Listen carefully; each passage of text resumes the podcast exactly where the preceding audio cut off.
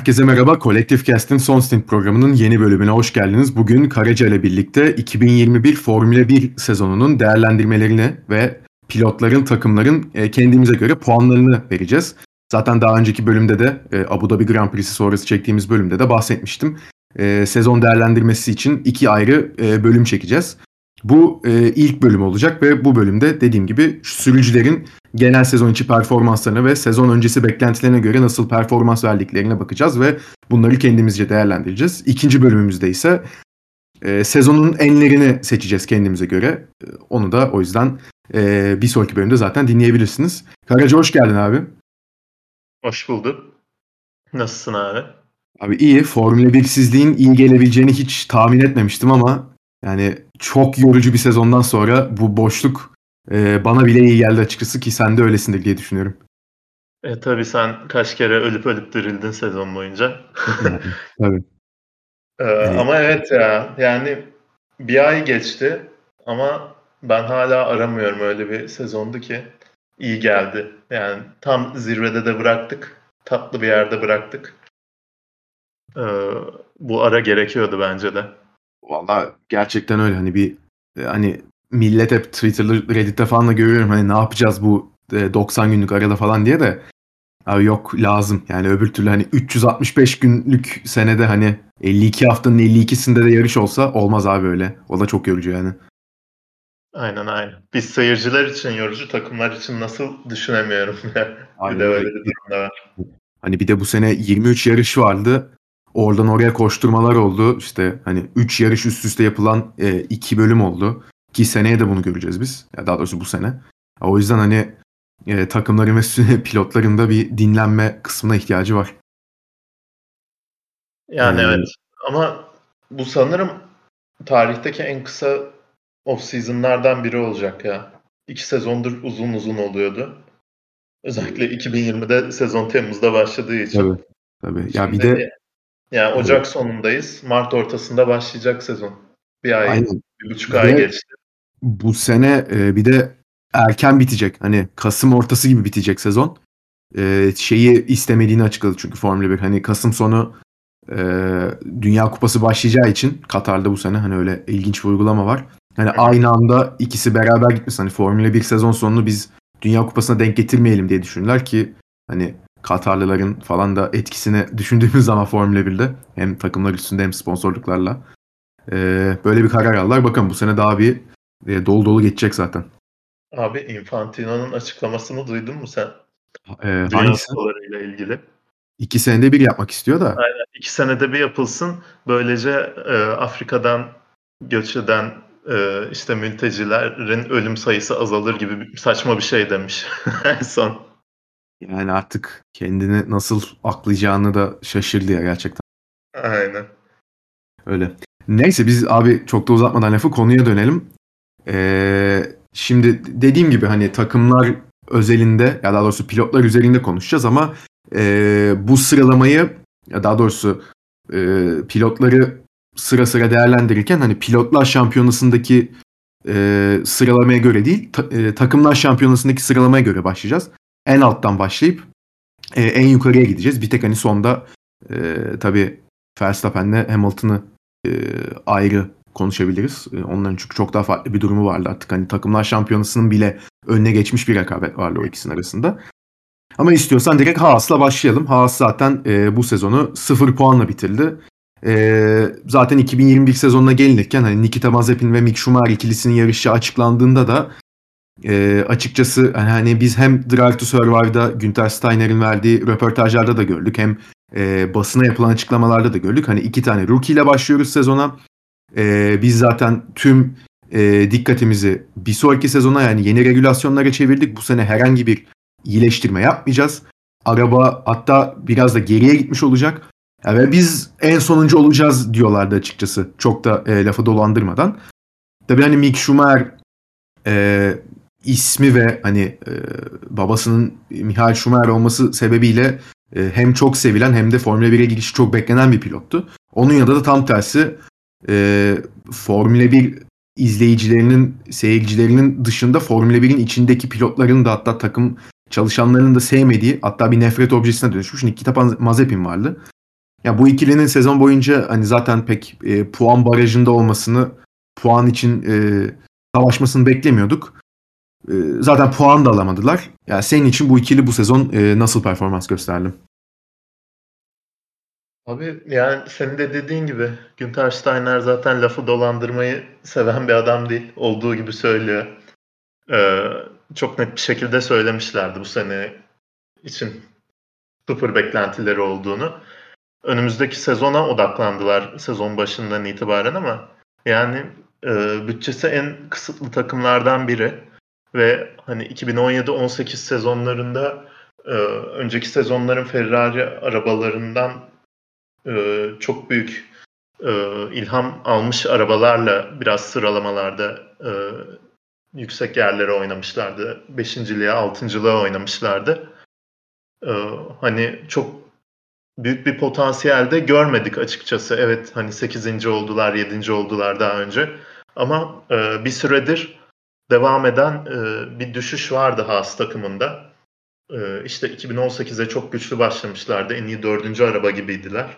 Ama e, fırsatlarda fırsatları değerlendiremediler. 2019'da yine hızlı bir arabayla başladılar gibi ama e, hiçbir şekilde e, lastikleri çalıştıramıyordu araba. Hatta tam tersi e, bildiğin yakıyordu lastikleri ve e, sürekli beklenenden çok daha kısa stintler yapa yapa e, devam ediyorlardı yarışta. Sıralamada çok iyilerdi. Sonra düşüyorlardı. 2020'de zaten düştüler Ferrari motorunun düşmesiyle. E, bu sene de e, artık herhalde dibe vurdular. E, hani ben de ondan dolayı e, çok e, ilerisi için de çok büyük bir beklenti de değilim. E, bu senenin en vasat takımlarından biri biriydiler bence. Hani ne kadar beklentiler düşük olursa olsun en azından bir, bir iki sürpriz yapar, yapabilirler belki diye düşünüyordum. Ama yani e, 9. sıradaki takımın bile çok net arkasındaydılar ve e, tek hası gördüğümüz an sene içinde herhalde Mick Schumacher'in Verstappen'le Macaristan'daki kısa kapışması oldu. Ee, onun dışında işte Mick iki defa Q2'ye kaldı sanırım. Birinde kaza kaza yapıp e, Q2'ye kaldı Fransa'da. Diğerinde de e, Türkiye'de kaldı sanırım değil mi? Evet, Dördüncü evet, olmuştu. Yağmur şartlarda. Aynen. Ya Fransa'daki biraz diğerleri tur atamadığı için olmuştu. O işte Q1 seansında Sunoda falan da kaza yapmıştı. Tabii. Ee, ama ya Türkiye'deki 14. sırada bitirmesi hakikaten sıralamayı etkileyici bir performanstı. Çok. E sen, sene boyunca da zaten Mazepin'i açıkçası dağıttığını gördük. Yani sadece ismiyle heyecan getiren biri değildi e, Mick Schumacher. Ayrıca son Formula 2 şampiyonuydu. Hı hı. E, o yüzden hani Mazepin'i açıkçası e, herkesin beklentisi e, bu şekil çok rahat e, yenmesiydi. Onu da başardı. Sıralamada e, bilmiyorum şu an açmaya çalışıyorum ama e, şey yani yarım saniyeden fazla fark attı sanırım. Ee, bayağı bir fark var aralarında. 0.7 0.8 bile olabilir.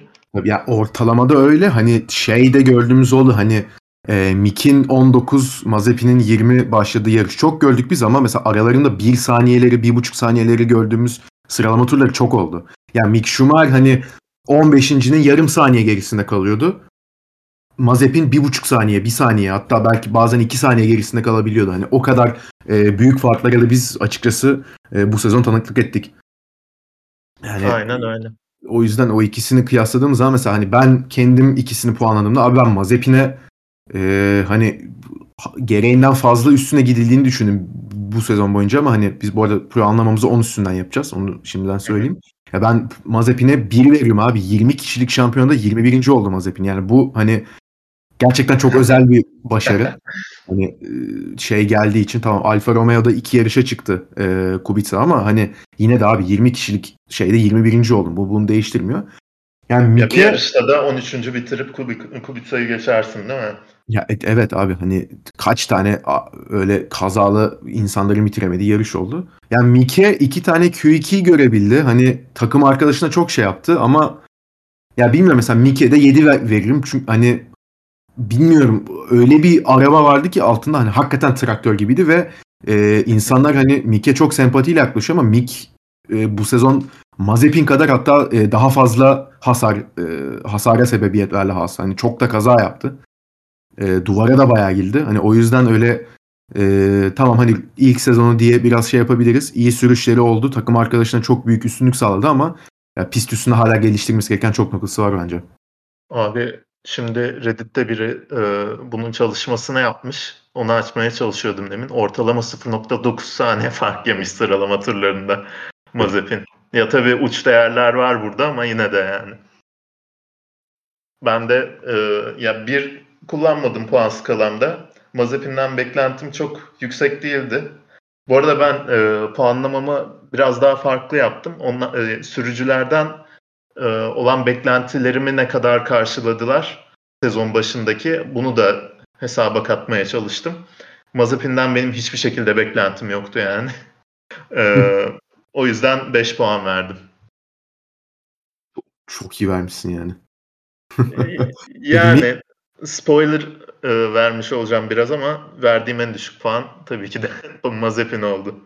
Anladım. Yok benim daha var şeyler. Mike kaç verdin? var sanırım biraz. Mike evet. e, abi 7 puan verdim. Aynı vermişiz Mike. Çünkü e, işte dediğimiz gibi özellikle sıralama turlarında o Türkiye'deki performansı etkileyiciydi. Onun dışında takım arkadaşını çok rahat mağlup etti. Hani takım arkadaşını çok rahat mağlup etmesi sondan ikinci sırada bitirmesi demek oldu çoğu yarışta. Daha da fazlasını yapamazdı bu arabayla. Ee, yani puan çok da fazla düşürmek istemedim çünkü e, yani altlarında traktör varken senin de dediğin gibi e, e, arabadan dolayı puan kırmak istemedim ya da sonuçlardan dolayı. Yani Haas bakalım hani bir sonraki seneye nasıl gelecek. Hani en azından biraz daha puan barajına yaklaşabilecek bir araba yaparlarsa ben Mick Schumacher'ı biraz daha performans vermesi adına merak ediyorum pistte görmeyi. Sen ee, düşünüyor musun puan verebilecek bir araba yapacaklarını?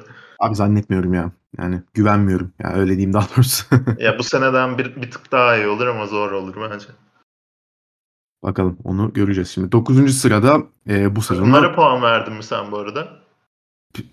Yani takımlara vermemiştim açıkçası ama verebilirim.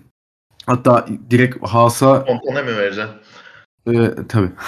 Abi Haas'a yani e, hadi Haas'a 5 vereceğim. Çünkü e, sezon başı zaten hani demişlerdi şeyde biz bu sezon herhangi bir güncelleme getirmeyeceğiz.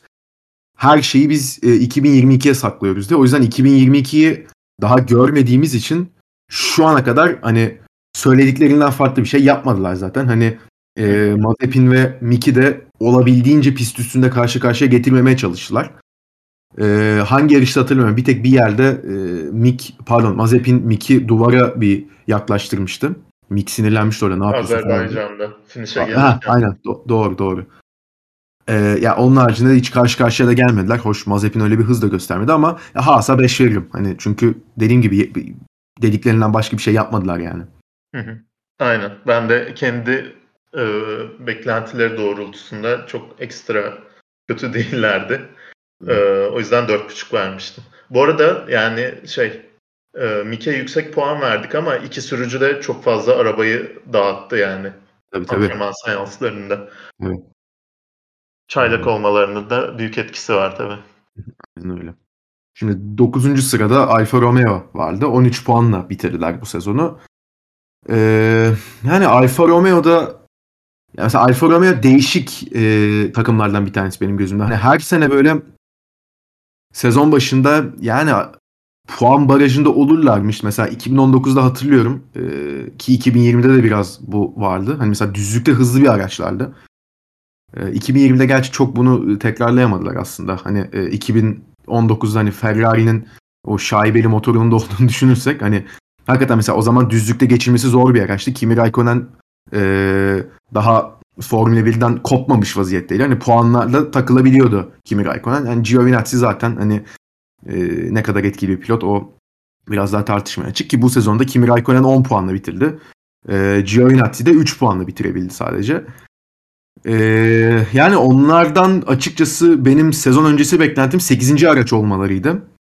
E, 9. bitirdiler sezonu. Yani Hollanda ve İtalya yarışlarında Kimi Raikkonen'den belki bir şey çıkarabilirlerdi. Ama o da Covid sebebiyle bu iki yarışı kaçırdı ve Kubica geldi onun yerine. Kubica da puan çıkaramadı hani yine e, 13-15 oralarda takıldı ama e, Giovinazzi ise hani iki hafta üst üste e, hem e, dediğim gibi şeyde e, Hollanda'da hem de e, İtalya'da Q3 atabilmişti kendisini ama ondan da e, çok güçlü performanslar hatta güçlü performansı geçtim hani e, kendini gösterdiği bir yarış bile görmedik açıkçası. Hani 3 puan aldı ama yani onlar da ya yani mesela Alfa Romeo benim açımdan e, bir tık beklentimin altında kalmış takımlardan bir tanesi. Ya benim de öyle. Bence ya 8. en iyi araba olmalarını ben de bekliyordum. Bence zaten 8. en iyi arabada, arabaydılar. Ama e, yani fırsatları o kadar sık teptiler ki abi. E, inanılır gibi değil. Yani Giovinazzi sıralamada çok iyi performans gösterdi. Yani 6-7 yarışta bayağı iyi performans gösterdi. 3-4 ee, defa sanırım Q3'e kaldı. İşte dediğin gibi Hollanda, İtalya'da Q3'e kaldı ki hatta e, yarışın startında ilk sektör sonunda 6. 7. falandı iki yarışta da. ikisinde de spin attı. Evet. Ya o iki yarışta o puanları toplasa zaten 10 puan almış olacaktı. Williams'ı neredeyse geçmiş olacaklardı. Yani. Ee, onun dışında bir sürü yarış var. Williams e, çok puan aldı evet ama e, Alfa Romeo çok daha sık e, puan pozisyonlarına yakın mücadele gösterdi. Hep 11-12 bitirdiler ya da işte 7-8 giderken bir strateji hatası, bir kaza, e, yarış dışı kalma. E, hep bir fırsat teptiler bence. O yüzden benim de çok beklentimin altında kaldılar. E, ben onlara takım olarak 5.5 verdim. E, yani çok vasat bir sezondu bence. Zaten sezon boyunca Raikkonen takımı azarlayıp durduran radyoda yani. Hakikaten abi. Giovinazzi de sıralama bakımından çok güçlü bir performans geçirdi. Ama yarışta hiçbir şekilde değerlendiremedi. 13 puanın sadece 3'ünü Giovinazzi alabildi. Sıralamada yani kaç defa önünde bit bitirdi Raikkonen Giovinazzi'nin bir elin parmağını geçmez herhalde. Yani ki zaten hani mesela şeye baktığımızda mesela hani istikrar açısından da sıkıntı var. Hani Giovinazzi'nin Q3'e girdiği yarışlar da gördük. Ama çok sık da Q1'de elendiğini de gördük biz. Hani hı hı. Mesela hani kiminin Q2'ye kaldığı, Giovinazzi'nin Q3 e, Q1'de elendiği sekanslarla gördük biz. Ya zaten senin dediğin gibi hani kimi takımı azarladı bütün sezon boyunca. Hani onun haricinde pek bir şey yapmadı. Hani bir işte Meksika yarışı fena değil diyebiliriz herhalde. Hani o zaten Fetel, Kimi, Alonso 3'ü 7-8-9 e, bitirmişti o yarışı. Yani takım olarak ben de herhalde puan versem 5'ten yukarıya veremem Alfa Romeo'ya. Çünkü hani onlar beklentimin altında kaldığı için e, bu durumda görüyorum bir onları. Ki yani mesela sen hani en iyi 8. arabasının olmasını bekliyordun dedin. Hani ben de bunu dedim. Hani Williams'ın tabii ya onu Williams'a gelince de konuşacağız. Hani 23 puan aldılar da e, yani George Russell'ın tabii e, Belçika'da ikinciliği alması ve hani yarışın yapılmayıp e, yarım puanların dağıtılmasının onda çok büyük bir etkisi var. 9 puan sırf zaten oradan geldi hani Williams'a. Yani evet. Ama evet. işte zaten en iyi ikinci arabaydı. Şey en iyi e, dokuzuncu arabaydılar. İşte evet. Yani şey, sekizinci pardon. Evet yani o yüzden de hani bir e, şey düşüklüğü var. Ee, yani puan olarak vermek gerekirse de ben ikisine de dörder puan veririm. Hani kiminin 10 puanı var bütün sezon boyunca topladığı ama yani zaten hani kendisi de e, sezon sonu e, yapılan şeylerde hani işte sezon başı sürücülere şey verilmiş, e, bir kağıt verilmiş. Hani sezon sonu için bir tahminde bulunun diye. Ya kimi zaten gitmiş o kağıda emekli olacağım yazmış. Zaten adam emekli olmayı kafasına koymuş öyle hani takılmaya gelmiş. Hadi bir de tabii yıllık bir yaklaşık 8-10 milyon dolar da kazandı e, bu mentaliteyle. O çok farklı bir şey ama e, yani dediğim gibi hani şey pist üstünde de hani kiminin e, nasıl diyeyim hani dikkatsiz hareketleri olduğunu görüyorum. Mesela Avusturya'daki yarışta Vettel'le abuk subuk bir kazası var Aynen. ilk aklıma gelen. Düz yolda. Ee, şeyde Portekiz'de düzlükte Giovinazzi'nin arkasına giderken bir anda arkadan geçirmesi var Giovinazzi'ye. Hiçbir durum yokken. Ya o yüzden hani Kimi zaten kafasında bırakmıştı yarışmayı. O zaten çok belliydi. Ee, Giovinazzi de hani performans olarak ya yarışta hiç performans gösteremedi. Evet sonlarda e, strateji olarak da takımla uyumsuzluk ve sıkıntı yaşadığı noktalar oldu. Ki kendisi de bir yarıştan sonra ironik bir şekilde çok iyi strateji ya aferin size falan diye böyle 5 dakika bir söylenmişti ki bayağı da haklıydı o yarışta. Ya ama o da hani e, abi bunu daha önce de konuştuk. Hani Formula 1'deki benim gördüğüm en düz pilotlardan bir tanesiydi. Hani hiçbir özelliği öne çıkmıyordu. Ya o yüzden ikisine de ben dörder puan veriyorum. Abi üçüncü sezon, üçüncü tam sezonundasın ve hala e, yani çaylakmışçasına hatalar yapmaya devam ediyorsun. İşte startta kaybettiği yerler, attığı spinler, birkaç defa kaza da yaptı kendi kendine. E, bu hataların artık gitmesi lazımdı. Hani madem e, hız olarak çok böyle e, sıra dışı performans gösteremiyorsun, e, e, istikrar bakımından da çok iyi değilsen Formula 1'de yerin maalesef pek kalmıyor. Zaten 93 doğumlu Giovinazzi. Yani genç bir sürücü de değil. Yeni Formula 1'e Formula 1'e yeni girdi ama. Abi bir de mesela şeye baktım ben. Imola yarışında e, Bottas'la Russell çarpmıştı ya Raikkonen'in hemen önünde. Aha. 9. sıra için savaşırken. Evet. E, hatta hemen önümde oldu falan dedi telsizde.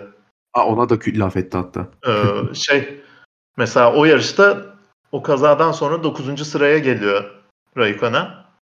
O yarışı 14 kişi e, bitirmiş ya da 14 kişi finish görmüş. 13-14 bitirmiş Alfa Romeo mesela. Evet. Yani e, hep hep bu tip yarışlar oldu. Raikkonen de senin dediğin gibi e, böyle e, şey yani kafasının tam orada olmadığı an birkaç tane oldu. Yine de sonuçları getirdiği için ve biraz daha istikrarlı olduğu için ben 6.5 verdim. Giovinazzi'ye de bu istikrarsızlıklarından dolayı e, 5.5 verdim. Mantıklı. Evet. ideal. Ben daha sert girişiyorum biraz puanlarla o yüzden. Hani aynen. Aynen. Skalamız biraz farklı ama olsun. Öyle. Şimdi 8. sırada Williams var. Ee, zaten hani e, 23 puanla 8. bitirdi onlar ki e, yani mesela Alfa Romeo için dediklerimizin aslında tam tersini söyleyebileceğimiz bir e, sezon geçirdi Williams. Hani bundan önceki iki sezonu ya daha doğrusu 2019'da bir puan almıştı e, Robert Kubica o, o olaylı 2019 e, Almanya Grand Prix'si sonra hani yarış sonrası orada da e, Kimi Raikkonen'le Giovinazzi ceza almıştı. O yüzden 10'unculuğa yükselmişti kendisi yarış sonrası. 11. bitirmiş olsa da. E, ama yani geçen sene e, yani George Russell Q2'ye kalınca olay falan oluyordu. Hani nasıl ya diye ki biz onda konuşmuştuk hani bit 6 tane araç var.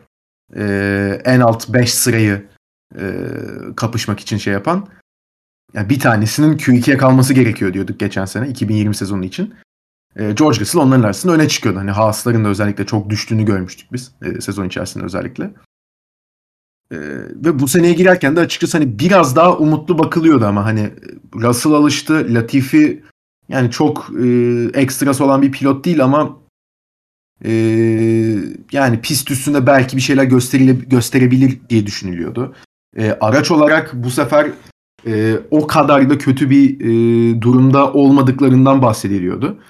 Ki biz zaten sezona girdiğimizde e, yani Williams evet yine e, özellikle yani Latifi özelinde e, genelde QB'den pek çıkamayan bir araç olduğunu gördük ama herhalde bu senenin en e, arabasından performans çıkartan insanlarla bir tanesi e, George Russell oldu. Her ne kadar kendisini sevmesem de hani yaptığını e, hiçbir şekilde e, yatsıyamayız.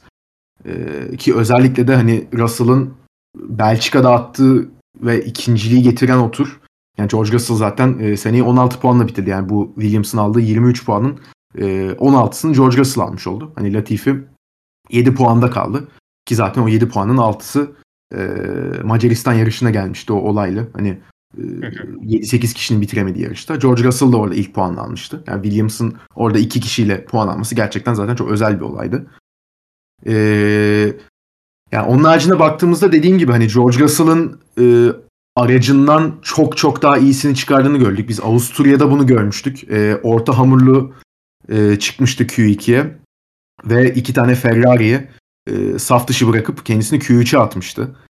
E, o gerçekten çok e, özel bir performanstı. Dediğim gibi Belçika'da hani Verstappen'in arkasında ikinci olması, hani Hamilton'ı geçmesi. O Hamilton'ı çok... yağmurda geçti ya. Hamilton'ı yağmurda geçti. Aynen öyle. Bir o, hatası vardı Hamilton'ın galiba o turda ama yine de yani. Yine de abi fark etmez. E, o çok özel bir performansı gerçekten. E, bir tek tabii hani sezonun e, sonlarına yaklaştığımızda özellikle e, Russell'ın Mercedes'e gideceği de belli olduktan sonra Russell'ın da biraz da artık e, performans düşürdüğünü gördük. E, Latifi zaten mesela son yarışta e, Russell'ın önünde e, bitirdi sıralamayı. Ki bu bu sene iki kere yaşandı sadece. E, hani Russell sıfıra karşı bitirememiş oldu Williams kariyerini. Ama onu da ben açıkçası doğal görüyorum. E, hani Russell Mercedes e, koltuğunu kesinleştirdikten sonra hani zaten daha fazla artık kanıtlayabilecek kanıtlayabileceği bir şey yoktu. Hani sezonun ilk yarısında tabii ki e, o koltuğu hak ettiğini hem e, Formula 1 kamuoyuna hem de tabii ki Mercedes yetkililerine göstermek zorundaydı ve onun için hani biraz e, kelle koltukta gidiyordu. Ama hani ne olursa olsun sezonun o sonundaki 5-6 yarışı da işin içine katarsak bile ben Russell'a açıkçası 10 üstünden 8'i veririm. Çok da rahat veririm. Yani gerçekten çok çok iyi bir sezon geçirdiğini düşünüyorum. E, Latifi'ye de 6 veririm. Latifi o kadar e, düşünüldüğü kadar kötü bir sürücü olduğunu düşünmüyorum. Ben Macaristan'da mesela e, puan barajındayken ki kendisi 3. bitir e, 3. gidiyordu. 3. bitirmedi tabii ki de. E, hani o yarışı mesela Russell'ın önünde 7. bitirdi Nicolas Latifi ama ya o yarışta mesela yerini gayet iyi korudu. Yarış temposunu çok iyi tuttu. E, uzun süre 3. gitmişti değil mi? Evet uzun bir süre 3. gitmişti. Stres altında hani baskı altında e, bitmeyeceğini, erimeyeceğini gösterdi. Ben o açıdan da hani kendisinin e, fırsat geldiğinde ve altında iyi bir araba olduğunda puan için yarışabilecek, puanlar alabilecek bir e, ar- sürücü olduğunu düşünüyorum. Latifi'ye de 6 puan veriyorum. E, genel olarak da zaten 8 ve 6 verdim. Williams'a da 7 puanımı vereyim. Sözü sana bırakayım. Ee, ben de çok benzer puanlar vereceğim seninle ilk defa. Ben de Russell'a 8 verdim. Ee, yani saydığın sebepler çok doğru bence de. Bir de ya Williams'la iki buçuk senedir puan alamıyordu Russell. Ee, onun bir baskısı vardı bence kesin üstünde. İşte harika geçirdiği Avusturya sıralama turundan sonra orada bile son turlarda Alonso'ya geçilip 11. bitirmişti. Hani artık bir noktada bu adam hiç puan alamayacak Williams'ta gibi düşünmeye başlamıştık. Ama sonra birden 5 yarışın 4'ünde puan aldı. Evet. Belçika'da hani yarış gerçekleştirilmemiş olsa bile yağmurlu bir sıralama seansında ikinci bitirdi abi. Yani en iyi e, 8. arabayla hatta belki 9 işte demin de dediğim gibi. Bu başlı başına 8 puanı getiren bir şey benim için. Bu arada ee, çok pardon çok ufak sözünü keseceğim. Ben konuşurken şeyi de unuttum. Abi Rusya'daki sıralamada da üçüncü oldu Russell mesela. Ve orada hani... Aa doğru evet. İşte ha pistin kuruduğunu ilk söyleyen ilk e, slick lastikleri takan kişi Russell'ı. Direkt kendisi radyodan dedi. Hani e, pist kurudu. Ben içeri geliyorum bana direkt şeyleri takın diye. Ve kendisi orada hani diğerleri de hani kalan 10 pilot, kalan 9 pilot da Russell harici reaksiyon almaya çalışmışsa Hamilton da reaksiyon almaya çalıştı. Hamilton aceleci davranıp mesela duvara girdi. Russell orada gayet sakin bir şekilde taktı lastiklerini çıktı. Üçüncülüğü aldı. Hani o da mesela bence çok güçlü bir performanstı. Yeni bir Regenmeister doğuyor diyebilir miyiz? Onu bilmiyorum. Ee, umarım doğmaz. Gerçekten hiç sevmiyorum kendisini ama hani çok çok iyi bir pilot olduğu gerçeğini değiştirmiyor bu. Seneye zaten %100 en sevilmeyen adamlardan biri olacak bence ya. Çok büyük ihtimalle tabii tabii. Ama yani bu sene işte 8'i verdim ben de sen de vermişsin. Ee, ben Latifi'ye 6.5 verdim abi ve hatta Hı. 7 versem mi diye düşündüm. Çünkü evet sadece Russell'ı iki defa geçti sıralama turlarında ama önceki sezon e, hiç geçememişti. Artı yarış temposunda da e, neredeyse denk bir hale geldi Latifi. E, hatalarını azalttı. İşte e, Macaristan'da harika sürüşü vardı hatasız. E, ve e, hani Giovinazzi için dediğim e, yeterince hızlı değil ama istikrarsız dedim Giovinazzi için. Latifi biraz daha istikrarlı ve hızını da biraz arttırıyor gibi, biraz daha alışıyor gibi. E o da 95'li mi 96'lı mı ne? Aşırı genç bir sürücü değil. Ee, ama bu senenin başındaki beklentilerimi hesaba kattığımda ve hani e, takım arkadaşının da Formula 1'deki en büyük e, potansiyele sahip sürücülerden biri olduğunu düşünürsek e, ona da e, hani önceki sezona kıyasla gelişiminden dolayı 6.5 verdim ben rahatlıkla. Williams'a da e, önceki sezonlardan e, yani 2020'den devam eden pozitif trendi iyice e, arttırdılar. E, ki geçen sene hiç puan alamamışlardı. Bu sene podyumu gördüler. Hani şartlar ne olursa olsun. E, ve hani Alfa Romeo'dan çok daha az sık e, kendilerine puan için savaşabilecek konumda buldular. Ama bunların hepsini fazlasıyla değerlendirdiler bence. Ee, yani onlar için olan beklentilerimi kesinlikle karşıladılar ve hatta biraz da aştılar. O yüzden Williams'a ben 7.5 verdim. Gayet ideal. Ee, şimdi bir sonraki sırada 7. sırada Aston Martin var 77 puanla. Tabii hani e, zaten bahsetmiştik alttaki 3 takım diğerlerinden biraz daha e, kopuktu diye. Yani Aston Martin'de takımlar özelinde ki bir sonraki bölümde zaten hani hayal kırıklıklarını da konuşacağız. E ben şimdiden o bölüme spoiler vereyim. Benim açımdan en hayal kırıklığı takım Aston Martin'di. Hani e, 2010 e, 2020'de özür diliyorum. Hani pembe Mercedes olarak e, Racing Point yarışmıştı. E, Checo Perez ve Lance Stroll'le. Hani tamam e, etik mi değil mi çok farklı bir tartışma ama e, iki pilotun da biz hani Perez zaten yarış kazanmıştı 2020'de e, Racing Point'le. E, Lance Stroll İstanbul'da 2020'de bir pol almıştı. E, Lance Stroll o Perez'in kazandığı yarışta podyum görmüştü ve biz Perez'le Stroll'ün hep puanların e, üst kısmında olduğunu ve e, podyum mücadelesi verdiğini de görmüştük açıkçası. Yani gerçekten iyi bir arabaları vardı ve hani yeni bir marka Aston Martin olduktan sonra da hani Aston Martin'in zaten ağırlığını ve genel hani dünya çapındaki bilinirliğini konuşmaya gerek yok. Doğal olarak da beklentiler çok artmıştı ve e, Perez yerine de 4 kez dünya şampiyonu Sebastian Vettel'i almışlardı.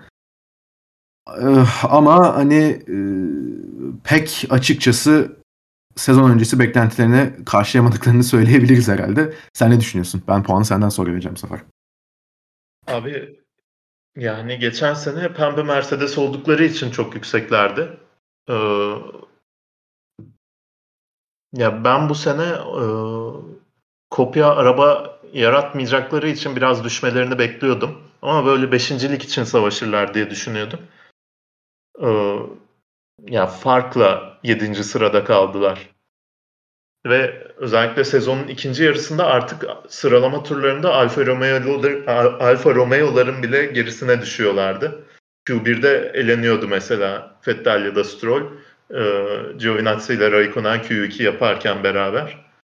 Yani e, benim için de e, beklentilerin en altında kalan takımdı açıkçası. Çünkü yani e, mesela Haas'ta beklenti yoktu dedik. Hani olmayan beklentinin altına çok da inemiyorsun. Aston Martin için beklentilerimiz vardı. Onların çok altında kaldılar. E, ve yani sezonun en silik takımlarından biriydi bence. Yani ne zaman böyle Aston Martin'in adı geçse böyle Heh, tamam moduna moduna girdim ben. Bir iki durum dışında e, hiç böyle e, etkileyici performans gösteremediler. Zaten e, yarış performansı sıralamadan daha iyi olan bir takım. O yüzden hani böyle sıralama turlarında ekstra bir performans da hiç göremedik. Hep gerilerde kaldılar. Yarışta işte bazen denk gelirse biraz e, öne tırmandılar ya da strateji uyduysa işte güvenlik aracı şansı geldiyse vesaire. Ama en böyle e, en az bir şey diyebileceğim takım herhalde bu sene Aston Martin oldu. E, onlara takım olarak 6.5 verdim. Stroll'e de 6.5 verdim. Onun da bir e, son yarışlarda 6. sırada bitirdiği bir yarış vardı. Katar Grand Prix'si. Hı hı. O güzeldi ama o altıncılığa ulaşırken bile ha, iyi tamam. Hani hatasız yarış çıkardı dedim. Öyle çok aman aman bir performans değildi. Ee, Fettel'in e, Bakü'deki podyumu herhalde e, sezonun en e, güzel anıydı onlar için. Tabii Macaristan'da da neredeyse e, kazanacaktı, galibiyeti oynuyordu ama sonra e, diskalifiye edildi. E, orada da aslında hani yarışı ikinci bitirmişti.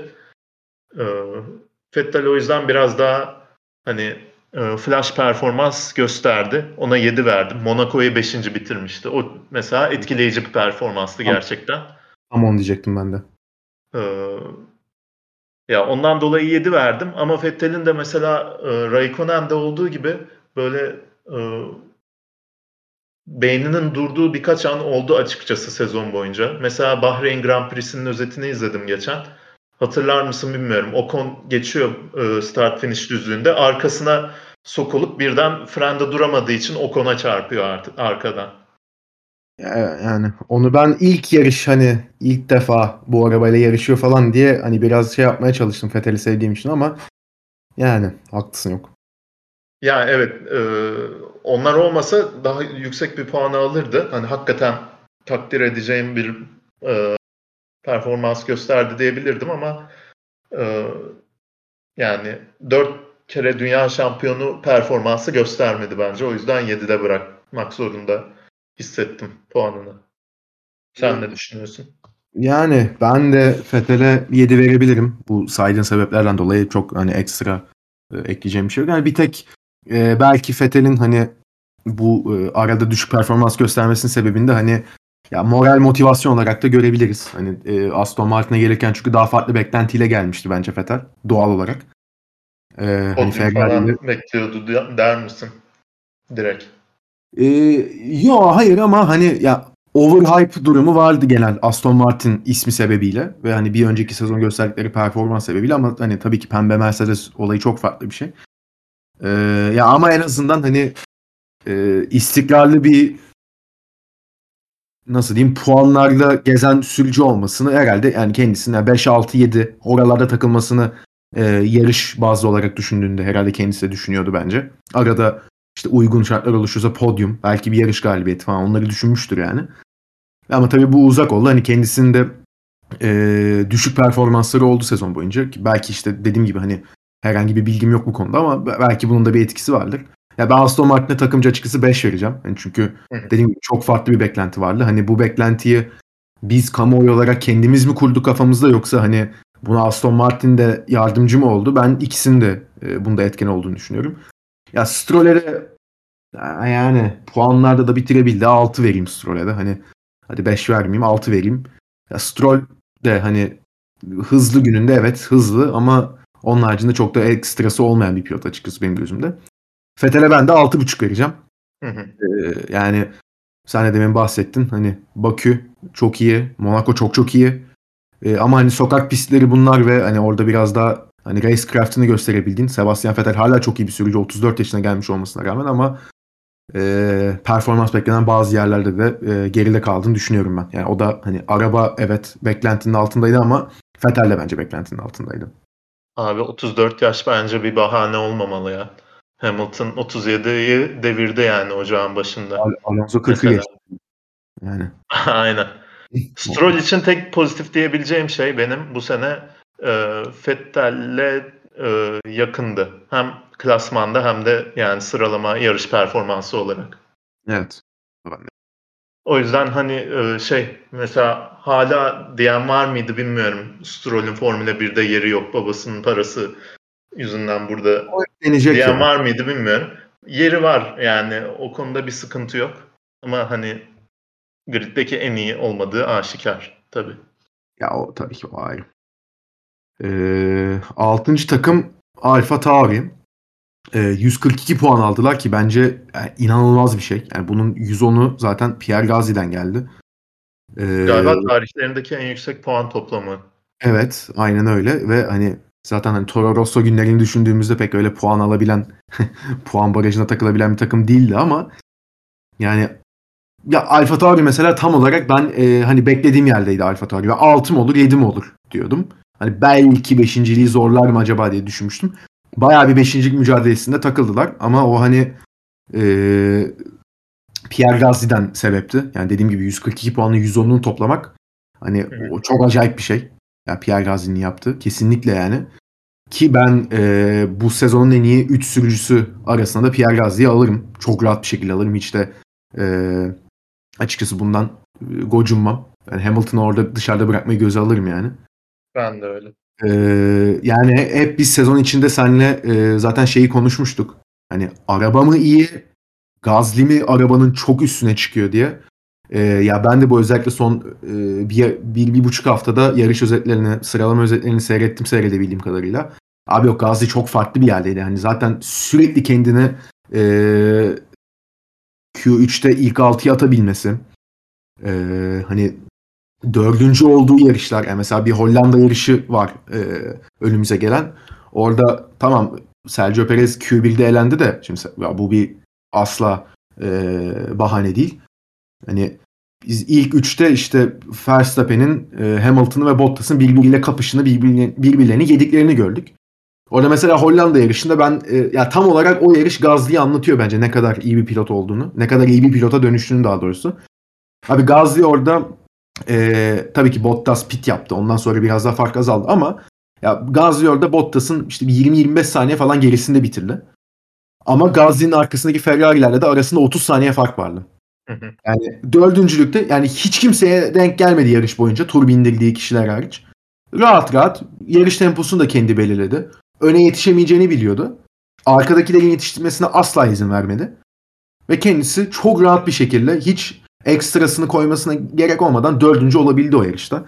Yani mesela o yarış bence e, Gazi'nin bu seneki en iyi yarışı olarak hani Bakü'de podyum yapmıştı evet.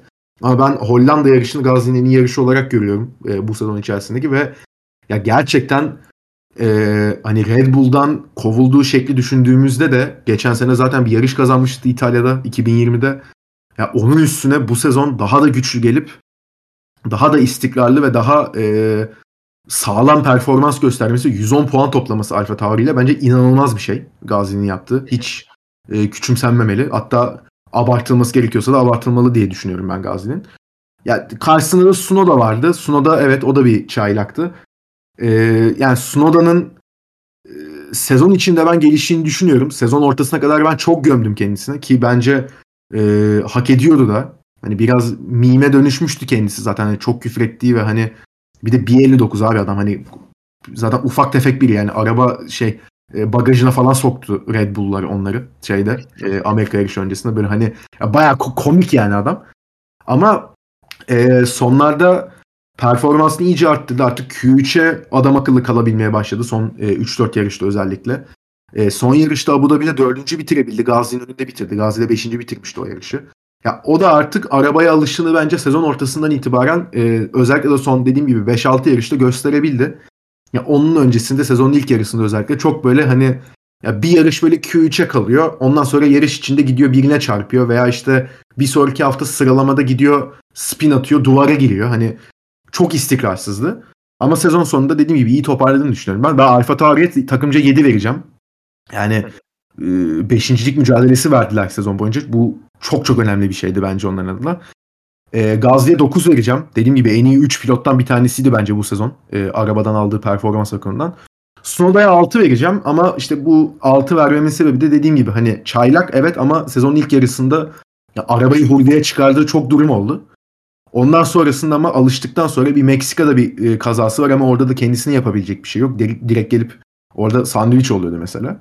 E, iyi performanslar gösterdi. O yüzden Sunoda'ya dediğim gibi 6 vereceğim. Ee, ben de benzer puanlar verdim. Sunoda'ya 6.5 verdim. Yani sezonun çok büyük bir bölümü aşırı istikrarsızdı gerçekten. Sorun yaşamadığı bir hafta sonu yok gibiydi. Yani sıralamada sorun yaşamasa antrenmanda kaza yapıyor. İşte e, iki, e, pazara kadar sıkıntısız gelse yarışın ortasında bir spin atıyor. İşte lastikleri bitiriyor. Tüm stratejisi çöpe gidiyor. Puanların dışında buluyor kendini. E, hep böyle problemli yarışlar gördük ama e, saf hız anlamında hakikaten potansiyelini gösterdiği e, böyle kıvılcımlar oldu. E, çaylak olduğu için de hani e, hataların böyle arada olması normal. Senin de dediğin gibi e, sezonun son bölümünde artık biraz daha e, limitlerini iyi, daha iyi tanıyor hale geldi gibi. Ve hani sezonu öyle bir tamamladı ki Abu Dhabi'de neredeyse Sainz'i geçecekti zaten son turda. E, podyumun bir saniye falan gerisindeydi herhalde. E, yani çok güçlü kapattı. O yarış olmasa belki 6 verirdim. Ama hani e, gidişat iyi olduğu için 6.5 e, veriyorum. Gazli'ye ise ya benim için de e, çok rahat bu senenin ilk üçüne koyabileceğim biri. E, 9 verdim Gazli'ye. Yani e, arabadan e, arabanın sunduğu performansın tamamını e, aldı yani. Neredeyse bütün yarışlarda ve aşırı istikrarlıydı. Yani yarış değerlendirmelerinde de birkaç defa birkaç defa söyledik. Ee, böyle sıralama turlarının yarısından fazlasında sadece Q3'e kalmadı. ilk 6'da bitirdi mesela. İlk 6'da bitirip de e, yarışta sıkıntı yaşadığı oldu. Daha fazla puan da alabilirdi mesela. 110'dan da daha fazla puan alabilirdi. Ee, yani puan alamadığı kaç yarış var? Şu an sayıyorum. 3, 6, 7 tane yarış var abi. Ve hani üçünde yarış dışı. 4 defa puanların dışında kalmış. Ee, inanılmaz istikrarlı bir sezon geçirdi. Ve senin de dediğin gibi Hollanda'daki gibi böyle orta sıraların bile e, çok rahat bir şekilde önünde olduğu 2-3 tane yarış vardı. O yarışlar inanılmaz etkileyiciydi. Hollanda'da zaten yani masterclass sundu bence. Ee, yarışın başından sonuna kadar e, Red Bull ve Mercedes'lerden sonra kendi seviyesindeydi. Hani orta sıradaki takımlar da ona yaklaşamadı. Aynen Sanki öyle. ayrı bir seviye var ve o orada duruyormuş. Hani Ferrari'ler, McLaren'lerden bile daha öndeydi o yarışta. Öyle birkaç performansı oldu. Ee, e, tabii sürücüleri değerlendirirken takım arkadaşlarına karşı nasıl performans gösterdikleri en büyük etken oluyor. Evet hani takım arkadaşı çaylak ama e, yani dağıttı çok, abi. Çok dağıttı abi aynen. E, 9 ben çok rahat veriyorum o yüzden. Alfa Tauri'ye de e, ikisinin ortasında 7.5 puan verdim. E, dediğim gibi en iyi e, sezonlarından biriydi herhalde. Puan bakımından en yüksek puan aldıkları sezon olabilirdi. Suno da belki biraz daha istikrarlı olsa 5. bile olabilirlerdi. Sadece 13 puan gerisinde bitirdiler Alpine'in. Böylelikle Formula 1 2021 sezonunun değerlendirmesinde ilk bölümümüzün sonuna geliyoruz. İlk bölümde alttaki 5 takımı değerlendirdik. İkinci bölümümüzde de değerlendirmelerimize devam edeceğiz ve ilk 5 sırada Formula 1 2021 sezonu bitirmiş 5 takımı ve onların sürücülerini değerlendireceğiz. Hepinizi oraya bekleriz.